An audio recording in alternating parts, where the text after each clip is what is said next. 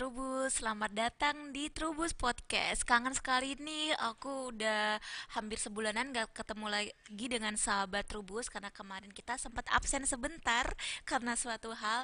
Dan sekarang aku senang banget bisa menyapa kembali sahabat Trubus di program Trubus Podcast. Ingat ya, kita punya program Trubus Podcast yang disiarkan di YouTube Trubus Channel dan juga ada rekamannya di Spotify. Jadi kalian bisa mendengarkan apa yang sedang menjadi isu hangat di dunia pertanian di Spotify. Jadi sambil santai atau sambil nyetir bisa dengerin uh, podcast Trubus di Spotify.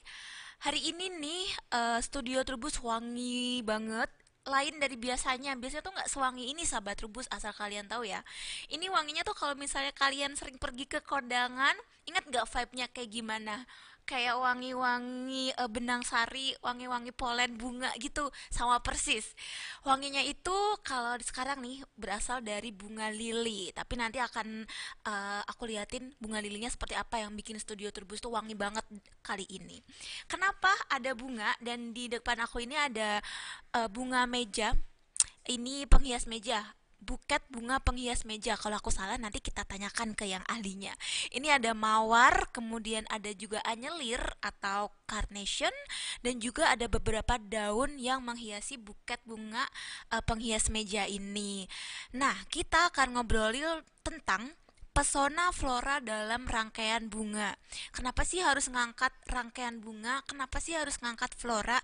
Yaitu harus sih karena Indonesia itu punya berbagai macam jenis flora termasuk bunga potong, bunga dan daun potong. Kita menyebutnya florikultura. Aku jelasin dikit ya. Jadi ada agronomi itu berkaitan dengan pangan, ada hortikultura berkaitan dengan buah, sayur dan juga ada florikultura. Nah, florikultura ini yang jarang banget kita bahas tapi jangan salah, dunia florikultura ini menyumbang uang atau pendapatan atau omset yang nggak sedikit bagi beberapa uh, pelakunya.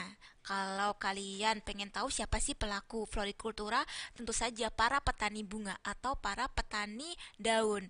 Nah, kita membahasnya bukan uh, dari segi hulunya, bukan dari uh, segi budidayanya, tapi dari segi penggunaannya, yaitu perangkai bunga. Sekarang kita langsung sapa aja Mbak Tami. Selamat datang Mbak Tami. Halo Mbak Titi. Apa kabar Mbak Tami? Baik banget. Oke, tadi aku belum sempat uh, ngasih tahu sahabat rebus Mbak Tami ini siapa. Mbak Tami ini adalah seorang perangkai bunga. Apakah benar? Benar. Bener ya ini berarti asli perangkai bunga. Mbak Tami, uh, selain perangkai bunga, Mbak Tami itu kesibukannya sebagai apa? Oke, kalau di dunia bunga, uh, saya sendiri adalah sebagai humas di Dewan Pimpinan Pusat uh, Ikatan Perangkai Bunga Indonesia. Oke. Dan kalau di cabang, Dewan Pimpinan Cabang, saya adalah Ketua Ikatan Perangkai Bunga Dewan Pimpin, Pimpinan Cabang Jakarta Timur. Oke, Ikatan Perangkai Bunga Indonesia. Pernah dengar nggak sih sahabat Trubus? Kalau kalian sering baca majalah Trubus atau ngikutin Instagramnya, pasti tahu Ikatan Perangkai Bunga Indonesia itu apa, siapa mereka. Tapi Mbak Tami sayangnya nggak semua sahabat Rubus itu mencintai bunga. Jadi ini saatnya kita ngasih tahu ke sahabat Rubus kalau bunga itu harus dicintai. IPBI itu apa? Itu dulu pertanyaan awalnya. Okay. Ikatan Perangkai Bunga Indonesia itu apa? Nah, IPB itu ya tadi udah disebutkan singkatannya adalah Ikatan Perangkai Bunga Indonesia, yaitu uh, suatu organisasi profesi yang kompeten uh, di bidang seni merangkai bunga dan desain flora. Oke. Okay. Dan uh, eh, IPBI ini sudah berumur 33 tahun tahun Waduh, ini. Sudah matang sekali ini ya IPBI ya Mbak iya, Tami. matang. Berarti IPB ini udah berdiri sejak 33 tahun lalu sahabat Rubus. Bagi kalian pecinta rangkaian bunga mungkin sudah akrab. Tapi ini saatnya kita mengakrabkan diri dengan Ikatan Perangkai Bunga Indonesia dan bunga-bunga yang ada di tanah air tentunya. Mbak Tami, tadi Mbak Tami mengatakan kalau IPBI ini adalah kumpulan dari perangkai bunga, seniman bunga dan lain-lain. Nah, uh, apakah harus menjadi seorang perangkai bunga kalau mau jadi anggota IPBI? Kalau aku bukan perangkai bunga gimana? Nggak boleh gabung nih sama IPBI? Boleh banget. Jadi uh, meskipun namanya Ikatan Perangkai Bunga Indonesia, anggota kami terdiri dari profesional maupun ada pehobi juga, Oke. ada pemilik floris, ada eh, yang baru mau coba-coba, itu semua eh, bebas boleh ikut. Yang penting punya visi dan misi sama, sama-sama menyukai bunga. Oke, berarti kalau aku nih aku suka bunga nih, suka banget dikasih bunga dan juga pengen belajar merangkai bunga, tapi eh, masih maju mundur takut gitu. Boleh ya jadi anggota IPBI? Boleh banget. Justru dengan di organisasi ini amat sangat eh, apa ya, mensupport kita, Mbak. Yang tadinya Mbak nih nggak tahu nih, nanti teman-teman Mbak ketemu teman yang punya floris atau punya teman eh, di situ ada eh, pengajar juga atau ada yang punya eh, eh, toko bunga juga, Mbak. Ada yang pemilik kebun juga. Mbak jadi belajar banyak Oke. justru. Atau Mbak pengen tiba-tiba langsung pengen eh, punya toko bunga bisa juga. Bisa. Jadi di IPBI ini eh, orang pemula seperti aku nih Mbak yang baru pengen belajar merangkai bunga dapat keuntungan banyak dong kalau gabung jadi anggota IPBI. Banyak banget. Kita welcome banget untuk teman-teman yang ingin bergabung jadi anggota. Karena kita sendiri tuh eh, di seluruh Indonesia sudah memiliki 12 DPD, Mbak. Di 12 tingkat, eh, DPD. DPD itu- Dewan Pimpinan Daerah tingkat provinsi itu ada 12. Oke. Dan untuk eh, Dewan Pimpinan Cabang sudah ada 47. Itu ada di seluruh Indonesia. Ada di seluruh Indonesia. Oke. Khususnya kalau di Jakarta ini contohnya ya, kayak DPD-nya adalah masuk da- eh, Dewan Pimpinan eh, Daerah DKI Jakarta. Oke. Tapi kalau cabang mungkin Mbak Titis rumahnya di mana? Saya sekarang ada di Cibubur, di masuknya Cibubur ke jadi masuk ke aku. Jakarta, Timur. Karena Batami ini adalah ketua dari Dewan Perwakilan Pimpinan Cabang Cabang. Cabang Jakarta Timur. Jakarta Timur. Jadi gini Mbak Tami, misalnya aku ada di Malang. Aku jadi anggota IPBI cabang DPC Malang. Malang. Oke. Iya. Kalau aku misal ada di yang agak jauh, Aceh, aku masuk ke mana nih? Ada DPD Aceh. Eh, di Aceh sendiri ada eh, cabangnya nanti bisa langsung cek langsung di DPD-nya. Oke, berarti semua eh, orang Indonesia dari Sabang sampai Merauke itu bisa jadi anggota IPBI ikut di DPC-nya, gitu ya? Bisa banget. Wah, wah, wah, jadi keren banget nih sahabat Rubo. Jadi nggak perlu kalian berdomisili di Jakarta dulu baru jadi anggota IPBI, tapi di mana pun kalian berada itu ada DPC-nya dan itu dipantau langsung oleh DPP-nya, Dewan Pimpinan Pusatnya. Iya, dipantau langsung. Jadi kita bersinergi semuanya. Oke. Tapi pusat juga memberikan eh, apa eh, kebebas, kebebasan eh, untuk setiap daerah untuk eh, membuat acara-acara yang berhubungan dengan eh, seni merangkai bunga. Wah keren banget. Gini aku jadi keingetan. Jadi kalau setiap daerah itu kan punya eh, rangkaian bunga yang khas ya Mbak Tami ya. Iya, bener banget. Nah itu bisa diekspor lewat IPBI ini. Bisa banget. Contohnya nih eh, kalau di Indonesia salah satunya tuh yang paling eh, masyarakat nih yang sering banget nih adalah masyarakat Bali nih contohnya ya. Bali tuh salah satu IPBI yang aktif ya karena memang kegiatan mereka termasuk eh, beribadah pun menggunakan bunga. Salah satunya janur, teknik janurnya mereka luar biasa keren.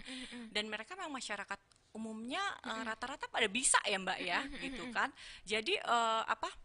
Itu mewakili juga kreasi-kreasi hasil eh, rangkaian bunga Indonesia. Oh iya, aku jadi keingetan tadi Mbak Tami mengatakan kalau IPBI itu ada desainer bunga, ada perangkai bunga profesional. Jadi udah banyak prestasinya dong kalau gitu anggota-anggota IPB. Aku jadi minder nih. Jadi prestasi apa sih yang sudah ditorehkan sama eh, anggota-anggota IPBI? Dan eh, alhamdulillah Mbak ya, eh, anggota-anggota kita termasuk yang profesional itu eh, banyak su- eh, banyak juga beberapa yang sudah memenangkan lomba-lomba tingkat internasional. Wah serius? Serius, Oke. salah satunya nih ada eh, ya, Pak Andi Jati Utomo itu salah satu guru saya juga. Saya juga kenal. Halo Pak Andi. Halo Pak Adi, aduh, nanti kalau dipantau gimana nih Mbak? Nah, eh, tadi kan banyak yang menorehkan eh, prestasi di lomba-lomba baik nasional maupun internasional ya Mbak ya para Iya. perangkai bunga itu. Itu berarti mereka belajarnya mulai dari eh, awal kemudian sampai jadi pro gitu atau sebenarnya mereka udah punya basic merangkai bunga? Semua kalau profesional mereka rata-rata punya basic eh, desain ya, dan mereka juga belajar, belajar dan terus belajar. Dan kalau di industri du- di dunia bunga sendiri Mbak, itu ada gelar internasional yaitu eh, IFD. Dan eh, untuk yang profesional rata-rata juga ada yang sudah memiliki gelar itu. Oke, jadi gitu. gelar khusus di dunia merangkai bunga itu AIFD. Iya, Oke, wah, jadi sahabat Trubus, jadi jangan dianggap remeh ya profesi merangkai bunga ini, karena ini adalah profesi yang sudah eh, ada lembaganya, ada organisasinya. IPB ini ada hukumnya juga ya, Mbak ya, Iya, ada payung hukumnya. ada. Kita ada ADART-nya juga. Oke, ada ada ART-nya juga. Bayangkan. Jadi mm, kalau kalian suka merangkai bunga, masuk aja ke IPBI. Mbak, sebenarnya IPBI tadi kan kita ceritanya tentang yang manis-manis nih, tentang IPBI ya, Iya. prestasinya, kemudian sumbangsinya.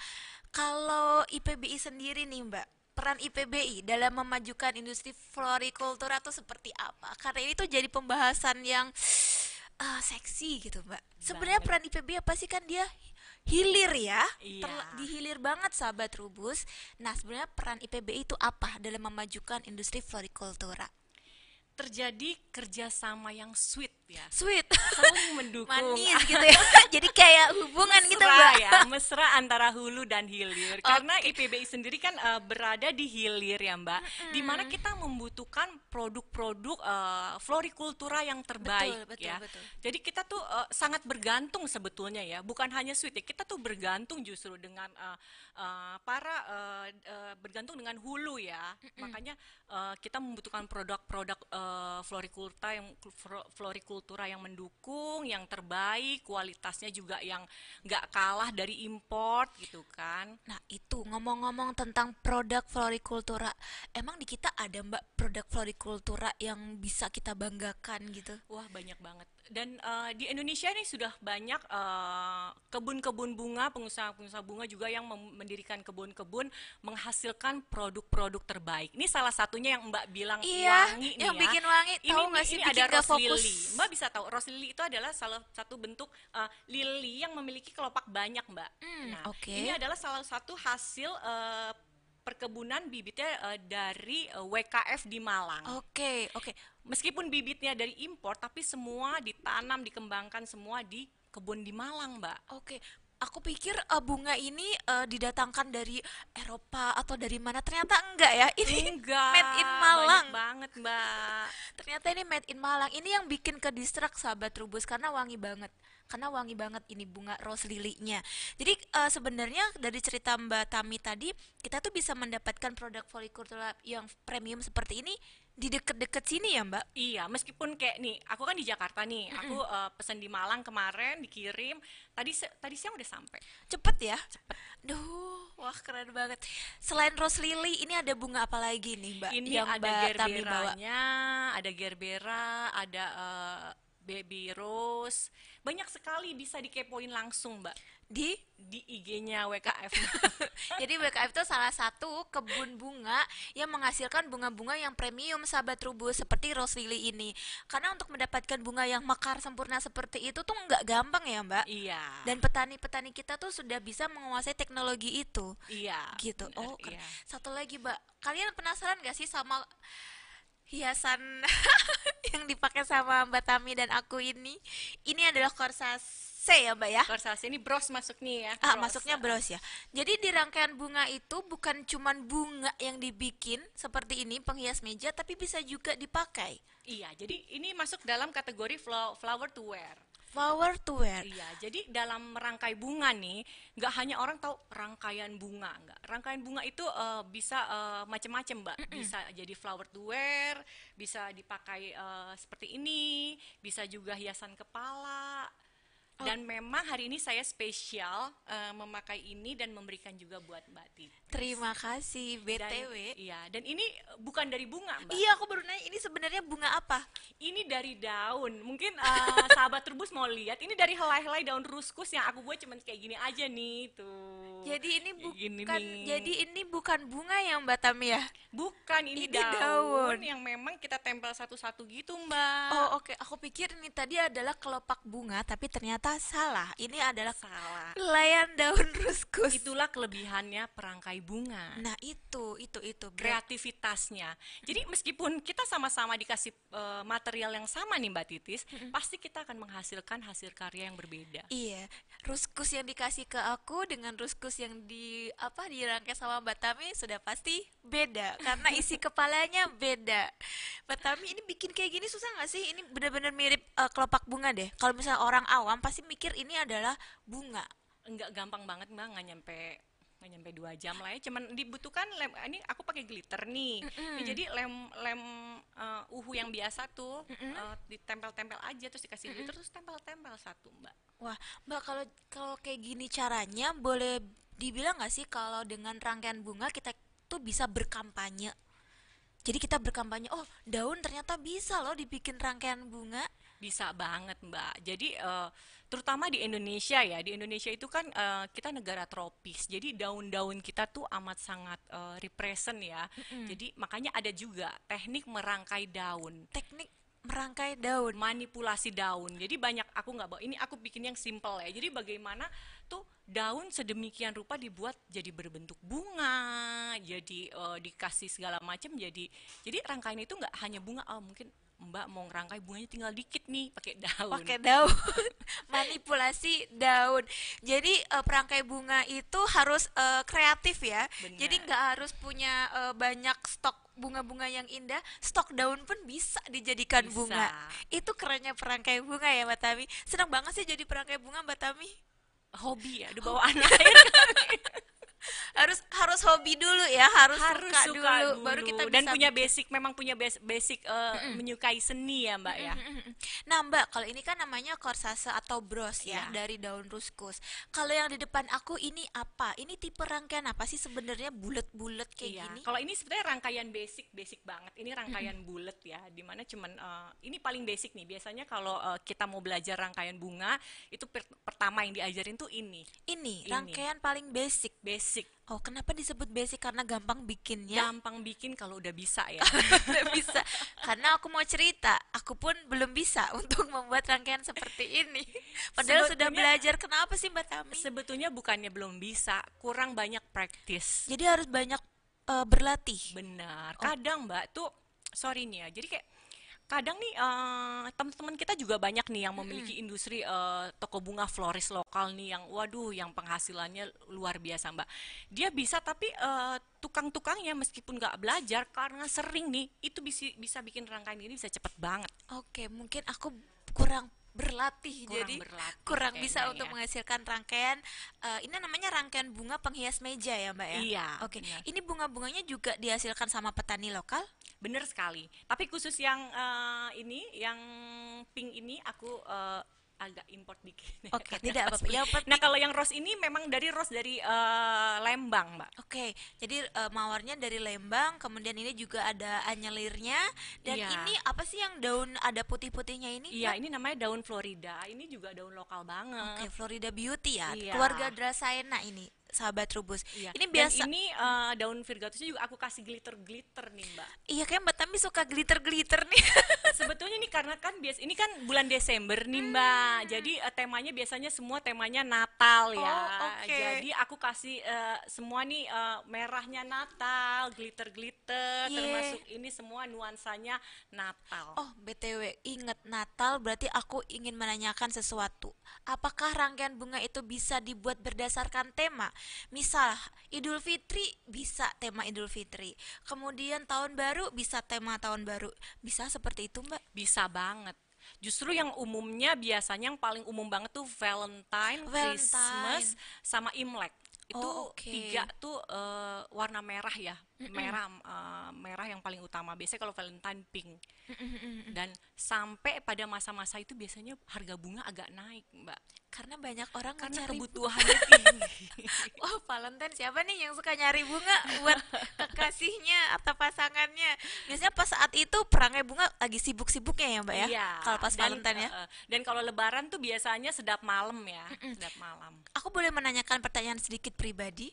Boleh banget. Kalau Mbak Tami sendiri, kalau merangkai bunga itu suka menyelipkan bunga-bunga khas Indonesia gitu nggak sih Mbak? Misalnya eh, daun hanjuang, kemudian janur, kemudian apalagi nih yang khas Indonesia, eh, lontar mungkin Mbak Mbak Tami suka menyelipkan gitu nggak sih biar orang tuh tahu oh ini loh Indonesia punya loh Hanjuang gitu. Iya, kadang saya suka memakai juga. Tapi kadang kita dalam eh, merangkai bunga juga tergantung tematik juga sih, Mbak. Mm-mm. Eh, tergantung tematik dan jenis warnanya ya. Jadi eh, kalau memang biasanya tuh kalau menggunakan daun-daun Indonesia atau eh, florikultura Indonesia, kita merangkai bunga dengan tema tropis gitu. Tropical Ya, gitu ya. tropical. Tapi eh, semua sih tergantung kreativitas ya, Mbak ya. Dan memang kalau untuk janur sendiri memang kita sedang galakan ya supaya eh, dunia juga makin melihat nih bahwa janur Indonesia nih banyak sekali teknik-tekniknya yang belum kita eksplor dan belum kita sosialisasikan, Mbak. Wah, kalau ngobrolin tentang flora ini sebenarnya nggak nggak bisa satu segmen aja, nggak bisa satu podcast ya, Mbak. Iya, Nanti kapan-kapan kita undang lagi IPB untuk bahas tentang janur. boleh banget kita panggil ahlinya nanti Kita ya. panggil ahlinya. Kalau Siap-siap ya, teman-teman. kalau ini kita bahasnya tentang floranya secara keseluruhan, tentang Iya. rangkaian bunganya. Mbak Tami, eh, kita kan ngasih judul pesona flora dalam rangkaian bunga. Nah, eh, sekarang kan masa pandemi. Ya. Nah, eh, apakah eh, florikultura, dunia florikultura juga kena imbas dari pandemi ini? Nah, eh, aku rasa pandemi ini memberikan imbas buat semua segmen bisnis ya. Mm-mm. Nah, khusus di florikultura ini, kalau kita nih di eh, perangkai bunga juga awalnya parah banget sih Mbak. Oke. Sampai eh, kita mengirimkan bunga kemarin tuh kan awalnya orang juga takut Mm-mm, gitu. mm-mm, Bahkan kasihan juga loh, sempat di Rawablong tuh di awal-awal itu sampai banyak banget bunga-bunga yang dibuang. Iya, aku baca itu beritanya. Iya, jadi eh, tapi eh, dan event-event juga kan banyak di cancel Mbak. Jadi Benar. Mm-mm. wah banget banget deh. Tapi alhamdulillah sekarang nih sudah makin membaik nih Mbak. Sudah makin membaik. eh, event-event, eh, dekorasi, pemesanan bunga, segala macam udah mulai kembali normal. Iya, alhamdulillah seperti itu karena seperti Mbak Tami bilang antara hulu sampai hilir itu mesra banget hubungannya. Harus mesra dong. Harus mesra. Saling pengertian ya. Karena pemakai utama dari daun dan bunga potong itu adalah para perangkai bunga ya Mbak Tami ya. Iya. Jadi eh, para perangkai bunga ini secara nggak langsung mampu menggerakkan roda perekonomian dari dunia florikultura ya Mbak Taminya. Benar. Coba sahabat terus bayangkan kalau nggak ada perangkai bunga, nanti petani bunganya itu akan menyalurkan bunga-bunganya itu ke mana ya Mbak Tami ya? Iya. Itu makanya harus mesra hubungannya. Petani membutuhkan perangkai bunga, perangkai bunga juga membutuhkan produk-produk atau bunga dan daun potong yang dihasilkan oleh para petani, gitu ya Bener Mbak. banget. Oh. Seru banget ya. Iya, sebenarnya kalau ngomongin rangkaian bunga itu bakalan eh, melebar ke mana-mana. Tapi semoga kalau biar nggak melebar, aku ajukan pertanyaan yang lain aja. Oke. Kalau untuk eh, mempertahankan eksistensi merangkai bunga itu gimana sih Mbak? Apa sih yang udah dilakukan IPBI? Selama ini kan orang mungkin masih belum kenal ya. Yang yang di kota-kota mungkin tahu tentang IPBI, tapi mungkin yang di eh, yang di kota-kota kecil itu masih belum tahu gimana cara IPBI untuk eh, mempertahankan eksistensinya atau memperkenalkan keberadaannya kepada masyarakat umum. Oke, nah eh, meskipun pandemi tidak menyurutkan eh, IPBI untuk tetap terus berkarya, jadi kita mulai maaf, jadi kita mulai beradaptasi dengan eh, sorry sebentar mbak terlalu semangat Terlalu ya. semangat, gak apa-apa Mbak Tami. Jadi eh, kita mulai eh, beradaptasi dengan dunia digital, di mana eh, kita eh, aktif mengadakan IG live. Hmm, IG live, terus juga kita ada apa? eh, channel YouTube. Waktu itu kita pernah bikin streaming di YouTube, Mbak. Waktu acara ulang tahun juga pernah. Terus eh, memecahkan rekor kalau nggak salah. Bener banget. Bisa langsung teman-teman sahabat bunga, sahabat trubus juga langsung check it out di YouTube-nya Ikatan Perangkai Bunga Indonesia. Iya. Kalau nggak salah perang eh, IK- IPBI ini rutin banget mengadakan acara ya Mbak Tami ya. Bener banget. Kemarin ada kalau nggak salah tuh kemarin ada simposium yang mengangkat berbagai macam rangkaian bunga di tanah air. Jadi ada temanya ya Mbak Tami ya. Bener banget. Rangkaian bunga tema Sunda kalau nggak salah. Kemudian Jambi bener? Benar. Kemudian ada juga Jakarta dan juga kalau nggak salah ada juga Bali. Jadi eh, rangkaian bunga itu kalau aku boleh bilang itu selalu ada di setiap eh, fase kehidupan kita nggak sih Mbak Tami? Bener banget. Dan kita juga IPBI, Mbak, sering bikin event-event demo dan workshop itu melalui Zoom. Mm, mm, mm. Jadi tuh?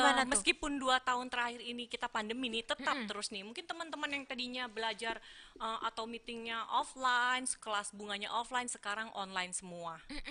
Eh, terus dan kem- kem- kemarin juga kita habis bikin event juga nih Jakarta Timur nih. Eh, pesertanya juga lumayan eh, sampai dari luar negeri juga ada mbak. Tuh kan.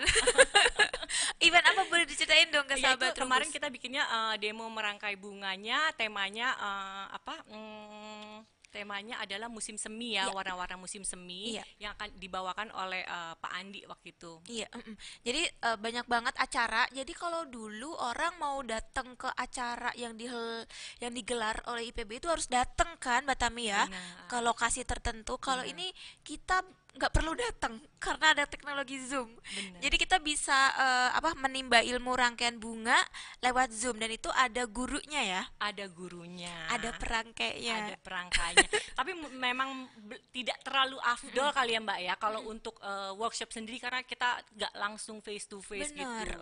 Semoga sih pandemi ini eh, cepet berakhir Selesai, berangsur-angsur ya. Jadi kayak sekarang sih sudah ada eh, workshop-workshop juga sudah offline tapi eh, sesuai dengan prosedur eh, kesehatan pastinya ya. Jadi sudah mulai sih Mbak. Sudah mulai ada aktivitas offline. Ya, karena kalau misalnya workshop gitu tanpa praktek itu kayak makan sayur tanpa garam. Bener. Kurang bumbu, Hambar, kurang hambar, bumbu hambar, ya. hambar. karena nggak bisa praktek langsung, sahabat Trubus. Jadi harus praktek memang kalau workshop eh, ikutan workshop di acaranya Ikatan Perangkai Bunga Indonesia. Mbak Tami, kalau misalnya kita ikut workshop, terus kita bisa jadi perangkai bunga, apakah seorang perangkai bunga itu bisa? Maksudnya gini, kalau misalnya aku jadi perangkai bunga, apakah bisa dijadikan sumber pendapatan? Bisa banget. Jadi sebagai perangkai bunga ini banyak mbak. Ada dekorator. Hmm. Uh, uh, dekorator tuh ada yang besar, ada yang uh, event-event kecil gitu kan. Mbak dengan gitu bisa bantu mulai dari hal-hal kecil misalnya. Mbak nih, Mbak nih pemula nih. Mungkin dari baru bisa uh, merangkai bunga bisa teman-teman sekitar nih kalau mau kirim bunga pesen di aku dong. ya. Gitu, sudah bisa menghasilkan kan. Iya, ada jadi ada juga atau dia uh, cukup belajar merangkai bunga tapi memang passion dia nggak terlalu merangkai bunga tapi dia memiliki uh, toko bunga mbak Oh oke. Oh, oh. at least sebagai pemilik toko bunga dia harus mengerti juga dong bunganya, Bunganya, nah iya, uh-uh. kayak begitu mbak jadi dan alhamdulillah juga mm, banyak loh mbak anak-anak muda sekarang Seperti aku, aku muda kayak. banyak bunga, banyak juga anak muda yang terjun sebagai perangkai bunga. banyak banget. Kalau aku perhatiin tuh mereka bahkan ada yang belajar dari YouTube gitu kan. Terus mereka tuh biasanya kayak ada eh, apa eh, kelulusan nih kelulusan nih wisuda nih mereka jual gitu.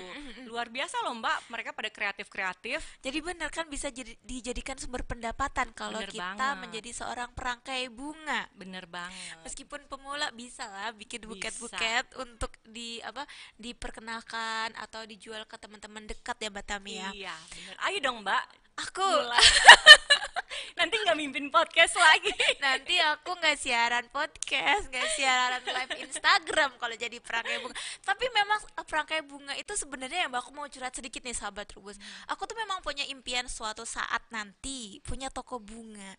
Kalau dulu pernah ada telenovela Rosalinda tau gak sih Mbak? tahu uh, agak-agak lupa dikit tapi aku tahu pernah nonton Itu juga ketahuan ya umurnya berapa. Jadi dulu itu ada telenovela gitu loh sahabat Rubus yang kelahiran 90, ke- kelahiran 80 atau 70 pasti tahu eh, telenovela Rosalinda dulu itu kan dia tukang kembang, Mbak. oh. Nah, pas nonton itu ikutan nonton nih karena karena kakakku nonton kan kakakku kelahiran 80 awal aku ikut nonton oh cantik juga ya kalau jadi eh, perangkai bunga kan eh, bunganya ditaruh di ke- di kuping di telinga Oh, jadi flower to wear ya Iya, jadi flower to wear. Dan dari situ aku pengen wah enak ya kalau misalnya punya toko bunga. Terus si Rosalinda itu juga bisa merangkai bunga bikin buket. Jadi Oke. aku kayaknya aku pengen deh nanti suatu saat jadi perangkai bunga. Dan asal tahu ya sahabat Rubus, perangkai bunga ini cantik-cantik. kena Muda. energi bunganya ya Bener. Dan mereka itu perangkai bunga tuh awet muda. Aku mau cerita, mungkin Mbak Mbak Tami bisa menceritakan Bu Wendy dan Bu Dini. Bener banget, salah satu anggota di timur nih, Bu Wendy tuh umurnya udah 70 lebih, luar Bu Wendy biasa. tuh 80 Mbak. Eh, 80 ya? Mau 80 kalau nggak salah. Bu Dini mau 70 ya? Ah, ya itu tuh Tapi luar biasa nih. Jadi eh, itu dia tadi aku bilang sebelumnya bahwa di IPB ini banyak generasinya dari up sampai Baby- senior baby sampai boomer ada ya?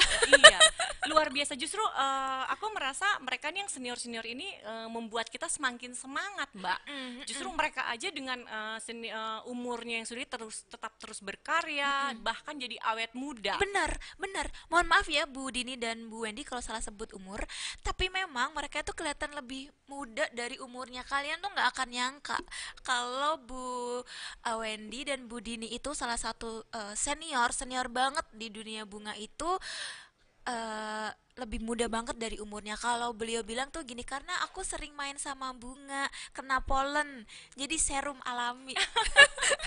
Tapi kan memang benar ya bunga itu memiliki eh, energi eh, dengan sendirinya ya. Makanya kadang tuh selalu kayak orang sakit dikasih bunga. Ah, iya benar. Menikah ada bunga. Even kadang duka cita juga bunga. Jadi eh, aku juga merasakan bahwa eh, bunga ini kan salah satu makhluk hidup juga ya. Jadi mereka memiliki energi. Kadang mereka menetralisir eh, menetralisir eh, udara atau hal-hal negatif yang lainnya sih. Iya, makanya jadi awet muda.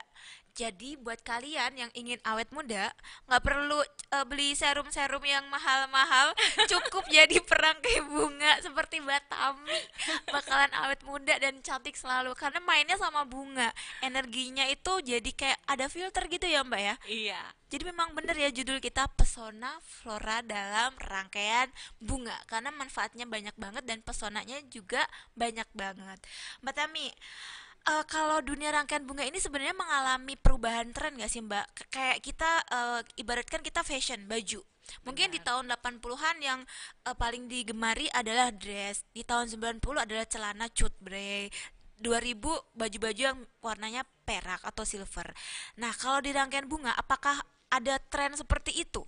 Iya, bener banget. Dari dulu mungkin masih rangkaian-rangkaian eh, standar ya bulat yang seperti floris-floris buat dengan eh, kemajuannya adanya IPBI melahir- melahirkan banyak-banyak eh, seniman perangkai bunga. Akhirnya eh, makin sosialisasi eh, kemajuan dunia seni merangkai bunga itu makin maju, Mbak. Contohnya nih ya kayak rustic itu kan sebenarnya eh, dari luar ya. Rustic Iya, tuh benar. Rustic terus kayak yang sekarang nih lagi booming nih Korean Korean gitu Korean, kan. eh, Korean apa pun. wrapping tuh ya.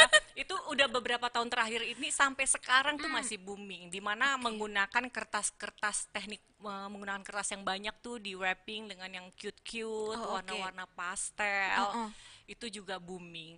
Dan sekarang nih ada juga warna-warna Rusia tuh lebih berani ya warnanya dengan Oh, sedikit gitu. filler dan eh, sedikit daun. Oh, oh, oh gitu. Iya. Warna Rusia. Ya warna eh, teknik merangkai ke- kan kema- tadi Korean style warna-warna pastel. iya. Kalau Rusia tuh warna-warnanya tuh merah, biru gitu. Oh, gitu. Banyak sekali. Jadi eh, apalagi dengan kemajuan teknologi nih ya, kita bisa langsung update dan masing-masing negara juga sama-sama eh, show eh, kelebihan dan tren-trennya mereka juga gitu Oh, loh. jadi bener ya. Jadi apa yang aku dengar dan aku baca tuh benar ya. Kalau rangkaian bunga pun ada trennya, seperti fashion gitu ya, Mbak ya. Benar. Nah, itulah sebagai perangkai bunga harus update, Mbak. Harus update, harus ini dong. Ah, nggak boleh buta gitu, nggak boleh kacamata kuda. Boleh. Itulah bedanya di- dibilang kenapa kita dibilang eh, desainer bunga. Contohnya seperti ini. Mungkin teman-teman ada yang kurang mengerti kayak, oh ngapain sih perangkai bunga atau gimana? Kalau Mbak mau bikin baju, ah Mbak bawa baju Mbak aja nih eh, ke misalnya ke Mestik. Nih tolong buatin, dia bisa. Tapi dia maksudnya jadi tukang jahit. Tukang Iya. jahit. Oke. Jadi Mbak bawa contoh dia bisa buat. Tapi kalau Mbak eh, ke salah satu desainer fashion ya, mungkin yang sudah sekolah dengan pengalaman sedemikian rupa, saya nggak mau- saya nggak tahu nih saya bahannya seperti apa. Saya pengen body saya mungkin seperti ini, tolong buatin dong yang sesuai dengan eh, pribadi saya, yang seperti ini. Maka sebagai seorang desainer baju akan mengerti nih bahan apa yang cocok buat dia, model seperti apa, warna warnanya seperti apa. Begitu lu juga sama dengan perangkai bunga, Mbak. Oke, itu bedanya perangkai bunga. Jadi ada ilmunya ya, Mbak ya. Bener banget. Kayak kita punya kain kalau dibawa ke penjahit dengan dibawa ke desainer ternama, vibe-nya tentu beda. Beda banget. Hasilnya pasti beda meskipun Beda satu kain yang banget. sama sahabat rubus. Sama kayak rangkaian bunga. Benar. Pasti beda yang saya buat dengan yang Mbak Tami buat. Benar. yang non profesional sama yang profesional sama-sama dikasih eh, daun ruskus yang aku pakai ini pasti nanti hasilnya beda pasti yang punya Mbak Tami syarat eh, seni kalau aku asal tempel kayaknya Tinggal latihan terus, pokoknya tinggal latihan lat- terus dia. tinggal latihan tinggal latihan ah Mbak Tami kalau rangkaian bunga itu kan menggunakan bunga dan daun potong Benar. Sebenarnya yang dibutuhkan para perangkai bunga tuh bunga dan daun potong yang seperti apa sih Mbak Tami? Jadi biar petani-petani kita itu tahu kalau perangkai bunga tuh maunya bunga potongnya tuh yang kayak begini. Eh cantiknya harus begini. Kalau yang daun potong itu ukurannya harus segini segini. Ada seperti itu nggak sih? Sebetulnya eh, yang pasti harus kualitasnya yang bagus dalam arti misalnya eh, rose itu tidak cacat bentuknya. Kalau ukuran sih sebetulnya memang eh, dari dulu selalu ada ukuran eh, berbagai macam ucu- ukuran ya. Karena kita dalam merangkai bunga juga kan membutuhkan ukuran yang berbeda-beda, Mbak. Oh, oke. Warna Oh, yang gitu. berbeda-beda. Yang utama adalah eh, material dan kualitas yang dihasilkan itu adalah maksimal, artinya tidak cacat ya. Tidak cacat itu artinya tidak bolong-bolong gitu. tidak gitu. bolong-bolong, Oh, nggak oke. rusak gitu. Kadang kan dalam satu rangkaian tuh kadang kita buka ada uletnya atau apa gitu atau misalnya udah rontok-rontok kita terima gitu.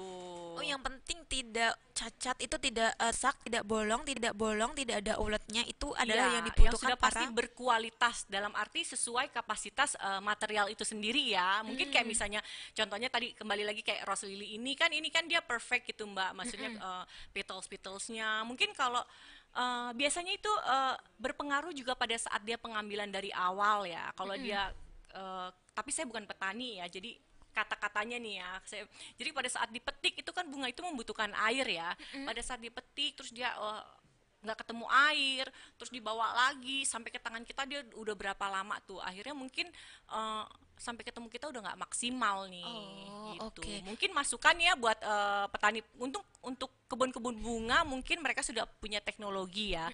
Tapi mungkin untuk petani-petani yang lokal yang, Yang masih kecil-kecil awal bisa terus belajar dan memperbaiki hasil-hasil pertaniannya. Oh, kalau gitu boleh dikatakan selama ini Mbak bunga dan daun potong yang kita terima, maksudnya yang diterima oleh para perangkai bunga, apakah sudah banyak yang memenuhi kriteria tersebut atau gini baru separohnya nih jadi kita suka susah nih kalau misalnya nyari mawar yang perfect eh, petalnya nggak rusak gitu Sejauh ini sebetulnya eh, sudah cukup menjawab kebutuhan eh, perangkai bunga di Indonesia. Tapi memang nih Mbak Nita ada tapinya nih. Ada masa-masa di mana kebutuhan-kebutuhan itu tidak mencukupi. Seperti saat ini. Kemarin-kemarin tuh di wah berlimpah ruah hasil kasihan nih, wah hasil kasihan nih petani sampai dibuang-buang karena kita nggak bisa bikin event. benar Sekarang orang ngejar event. Bunga-bunga tuh kadang sampai susah didapetin. Kasihan juga nih. Jadi antara pemilik floris sama dekorator nih berebutan nih, Mbak. Hmm, hmm. Gitu. Karena eh, dan juga katanya kadang mungkin dengan cuaca hujan dan segala macam mungkin petani tidak menghasilkan bunga-bunga atau daun-daun yang baik sehingga mm, material yang dihasilkan juga eh, hasil panennya nggak banyak. Sedangkan oke. kebutuhan nih lagi menggila nih, Mbak. Apalagi Oh, kemarin oke. 12 12 gitu kan.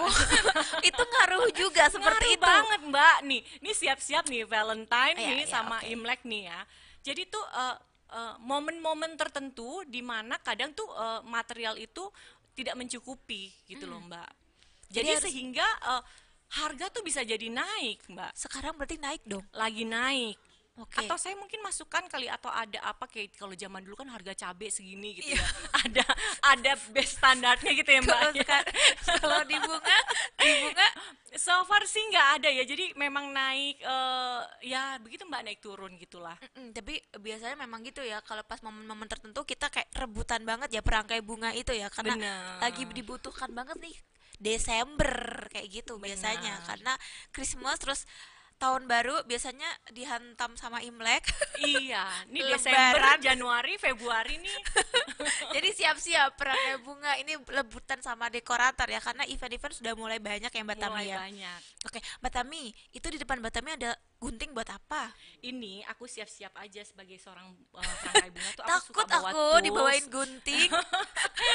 kadang kalau takutnya nanti kalau pas di shoot nih kurang ada yang bagus gitu aku eh, jadi aku suka bawa-bawa gunting Aku pikir Mbak Tami ngapain bawa gunting? Apakah seorang perangkai bunga tuh harus siap sedia alat seperti itu, Mbak? eh ya kalau aku karena suka eh, suka ngerangkai ya jadi emang aku selalu bawa sih mbak gitu Saya kaget sahabat terus kok bawa bunga cantik-cantik eh tentengannya gunting. kalau lengkap sih lebih serem lagi mbak ada pisau ada tang gitu pisau buat motong eh, eh, apa floral foamnya gitu Tang buat apa?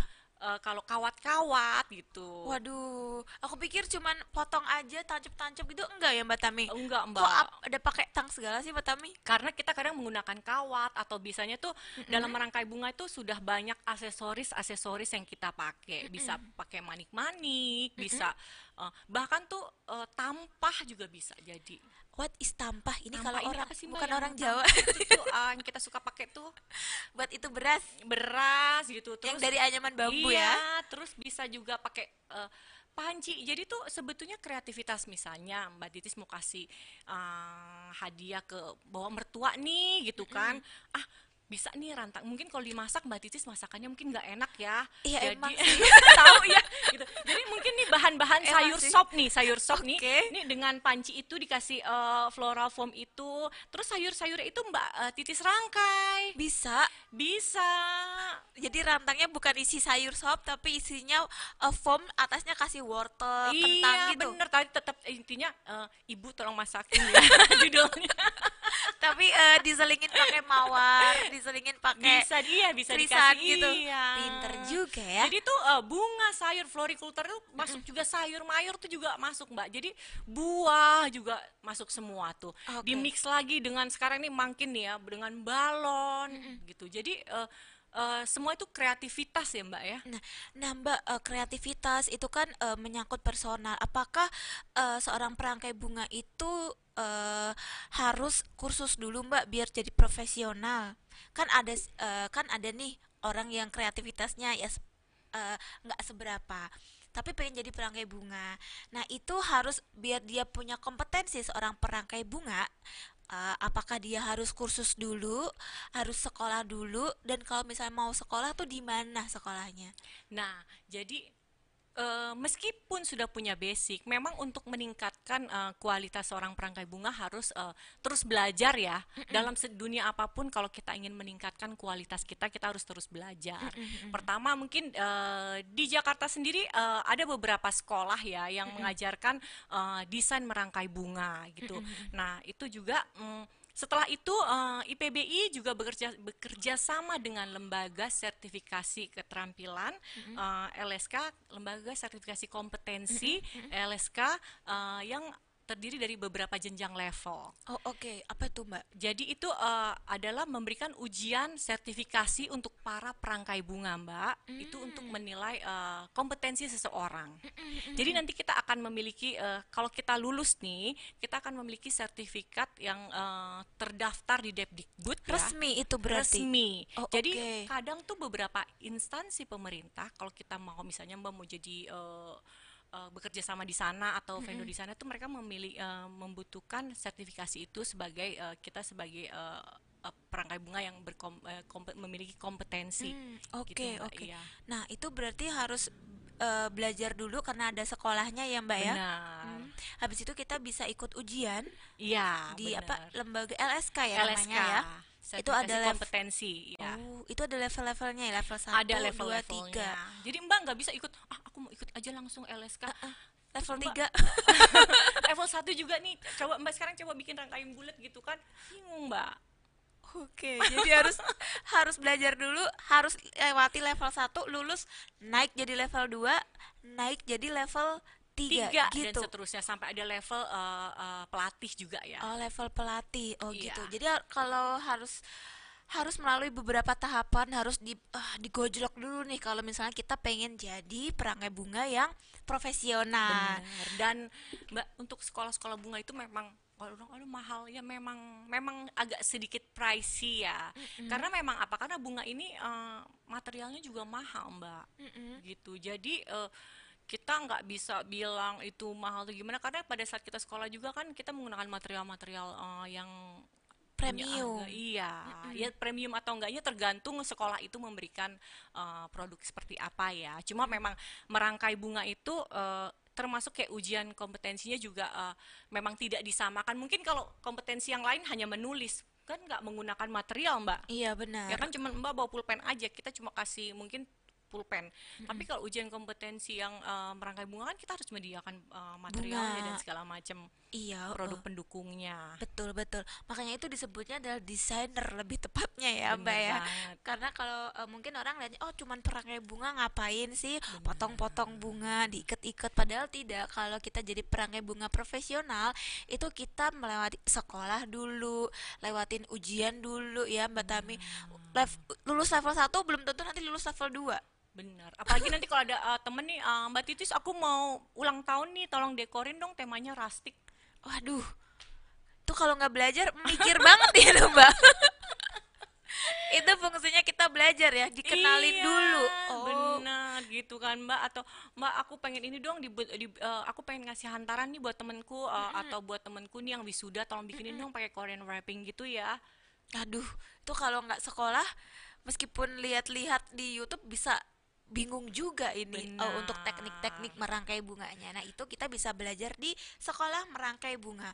Betami tuh, tapi kok kayaknya serius banget ya kalau jadi perangkai bunga profesional. Enggak sih, nggak serius sih Mbak. Santai-santai aja sih. Santai-santai aja. santai-santai aja memang dalam arti serius eh, maksudnya bahwa kenapa kita dibilang profesional karena kita memiliki pengalaman baik eh, eh, pendidikan pelajar terus uh, belajar juga dalam rangkanya itu yang aku bilang tadi. Sering iya. praktis juga benar. gitu kan. Mm kayak rangkaian bulat nih. Aku juga nggak serta merta bikin awalnya tuh bulat gitu mbak. Peyang-peyang juga ya. itu juga peyang-peyang. Kita semua mengalami masa di mana baru iya. belajar membuat rangkaian bulat itu peyang-peyang nggak iya. Gak sesuai kanan kirinya nggak bulat gitu benar. pernah kayak juga. contohnya nih ya kayak kita membuat rangkaian bulat ini ini kan uh, salah satunya uh, satu sampai satu setengah tingginya itu dari uh, tinggi atau lebar uh, vasnya. Mm.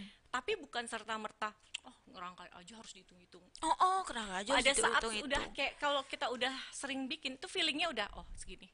Udah udah tahu gitu loh mbak Gak pakai hitungan nggak lagi pake. ya kalau dulu kan awalnya di garis gitu ya balance gitu kalau mbak tapi udah lewat itu semua enggak juga sih mbak aku masih terus belajar aku terus belajar kok Aku sekarang juga belajar ikebana, maupun masih basic. ikebana itu adalah Teknik merangkai bunga eh, dari negara Jepang. itu beda lagi dengan rangkaian bunga yang kita bahas sekarang Beda sahabat banget, rubus Banyak filosofinya banyak itu. filosofinya. Nanti kapan-kapan Kita, kita panggil masternya juga kita ya. panggil master ikebana ya. Karena ini beda. Ini adalah rangkaian eh, common rangkaian biasa yang sering kita temui di eh, kegiatan kita sehari-hari. Mbak Tami hmm, kasih ini dong sebagai closing kasih saran atau ajakan buat sahabat rubus untuk mencintai bunga dan oh ya budaya untuk memberikan bunga itu jangan sampai pupus ya mbak Bener, bener nggak. Bunga itu ayo mbak diajak sahabat rubus sahabat rubus, pencinta bunga khususnya, eh, mari kita pertama pasti menggunakan produk eh, bunga lokal ya. bunga bunga lokal lokal karena kita juga mendukung para petani eh, bunga yang ada di Indonesia pastinya. Lalu untuk yang suka bunga silahkan belajar bunga. Dan eh, untuk sahabat rubus juga yang penasaran IPBI silahkan kepoin eh, YouTube-nya IPBI dan Instagramnya.